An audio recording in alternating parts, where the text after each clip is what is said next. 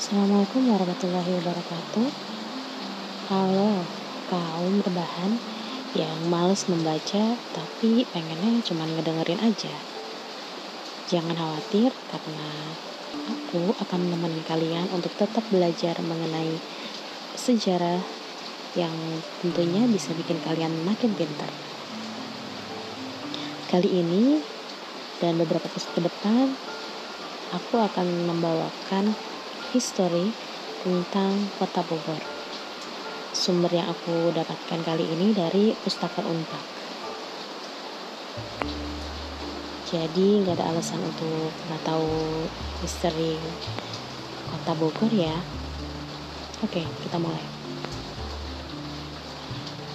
Kota Bogor sebenarnya memiliki latar histori yang amat panjang Hal ini didasarkan pada temuan dari arkeologis dan historis bahwa di wilayah geografis yang kemudian bernama Bogor itu, pada masa-masa sebelumnya merupakan tempat berdirinya kerajaan yang terbilang besar. Kerajaan-kerajaan yang berlokasi di sekitar wilayah itu adalah Kerajaan Tarumanegara, ada Kerajaan Sunda, dan Kerajaan Pakuan Pajajaran. Rangkaian peristiwa sejahta kesejarahan antara zaman Tarumanegara hingga masa Pakuan Pajajaran menunjukkan adanya keterkaitan yang erat serta mata rantai histori yang berkesinambungan. Namun setelah Pajajaran runtuh pada tahun 1579, terkesan sirna pula masyarakatnya sehingga kesinambungan sejarah pun terputus.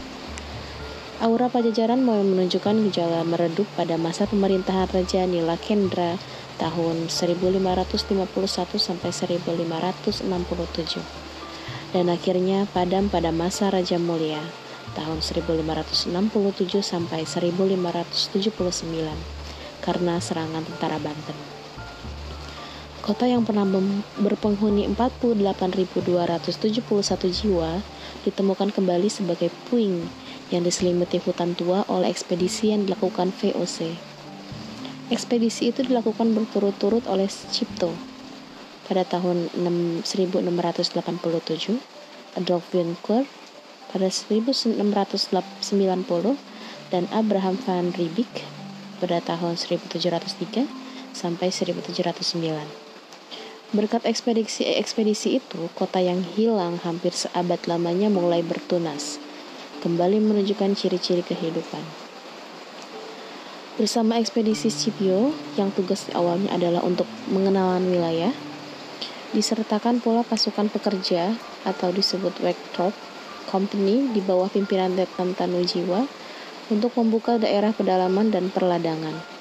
Tanujiwa seorang Sunda dari Sumedang mendapat perintah dari Johannes Campus untuk membuka hutan pajajaran. Sampai akhirnya ia mendirikan kampung baru Tanujiwa bersama pasukannya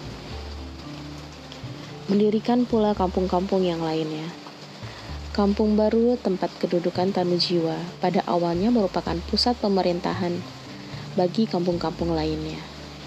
Kemudian, pada tahun 1745, resmi menjadi kabupaten di bawah pimpinan seorang bupati dengan gelar Demang.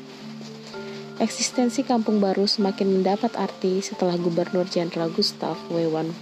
van Involve 1743 sampai 1750 menjadikan salah satu daerah di wilayah itu sebagai tempat peristirahatan. Gustav W. van Imhoff memiliki tempat peristirahatan di daerah itu karena basis ekologisnya yang sangat kondusif. Pemandangan alam yang mempesona, tanah yang subur, iklim yang sejuk, serta letak geografis yang strategis. Gedung yang dibangun sebagai tempat peristirahatan serta pertamanan dan lingkungan di seputarnya oleh Van Imhoff diberi nama Buitenzorg, yang secara harfiah berarti tanpa urusan. Nama Bogor sendiri pada waktu itu hanyalah sebuah kampung yang letaknya berdekatan dengan Buitenzorgnya Van Imhoff melalui surat keputusan Dewan Direksi VOC di Amsterdam tanggal 7 Juni 1745, lahan di seputar Buitenzorg dijadikan sebagai hak milik Van Imhoff dan para gubernur jenderal sesudahnya in officio. Dengan demikian, tanah Buitenzorg itu dijadikan semacam tanah bengkok yang harus dibeli oleh yang harus dibeli dari tiap-tiap gubernur. Van Imhoff merupakan pimpinan VOC pertama yang melaksanakan politik teritorial melalui sistem pencetakan sawah. Di samping untuk mempertinggi produksi padi, sistem ini pun dimaksudkan untuk mengilat penduduk dan memungkinkan pemukiman yang tetap. Lewat kemungkinan penyewaan tanah Buitenzorg, maka mulailah lahan antara Ciliwung dan Cisadane pada lokasi bekas kota Pakuan Pajajaran itu dihuni oleh serta berkembang pula lah pola perkebunan seperti kopi, lada, dan tarum. Pada tahun 1770-an, Bupati Kampung Baru pindah ke Sukahati, yang selanjutnya tempat ini disebut dengan Empang, sebuah daerah yang, di, yang termasuk kawasan Buitenzorg. Dengan kepindahan bupati itu, kesibukan urusan pemerintahan pun berpindah juga. Begitu pula urusan-urusan lain yang menyangkut sarana dan prasarana kegiatan penduduknya. Dengan demikian, di kawasan Buitenzorg terdapat dua pusat kekuasaan, yaitu pemerintahan Kampung Baru yang memiliki hak kuasa atas warganya yang terdiri dari kaum pribumi dan enclave Buitenzorg yang memiliki hak otonomi penuh yang berada di luar kekuasaan Kabupaten Kampung Baru. Dalam perkembangan selanjutnya, nama Kampung Baru semakin terdesak oleh kepopuleran nama Buitenzorg, sampai akhirnya nama kabupaten pun diubah menjadi Kabupaten Buitenzorg pada tahun 1763.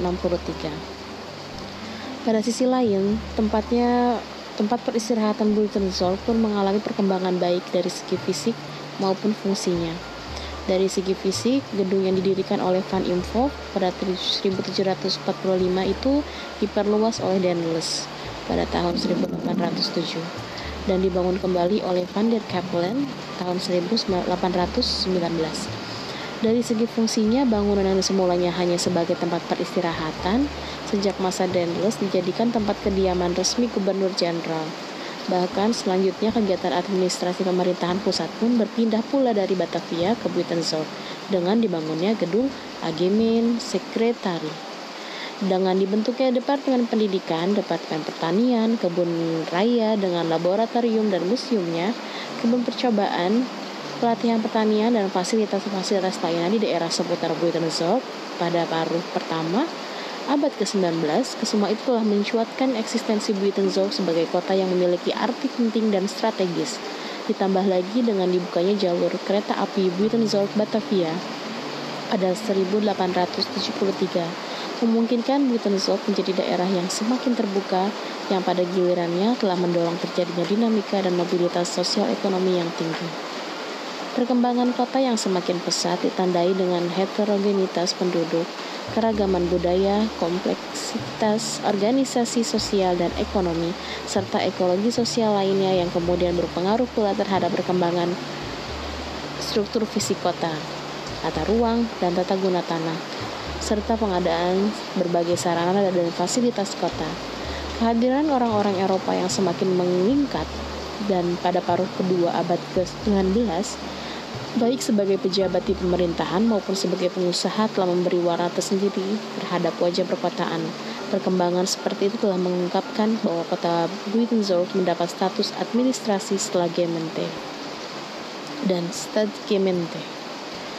Lingkup temporal yang dikaji dalam penelitian ini meliputi rentang waktu mulai abad ke-19 sampai abad ke-20.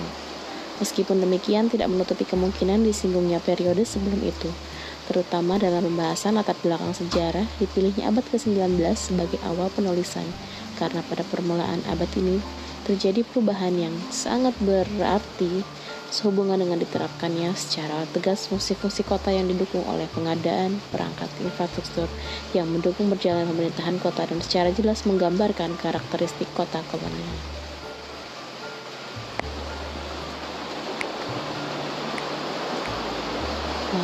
Itu dia sedikit latar belakang tentang uh, kota Bogor. Itu masih awalnya ya belum sampai tersebutnya di Bogor. Nah nanti akan kita sambung lagi di episode selanjutnya. Terima kasih sudah mendengarkan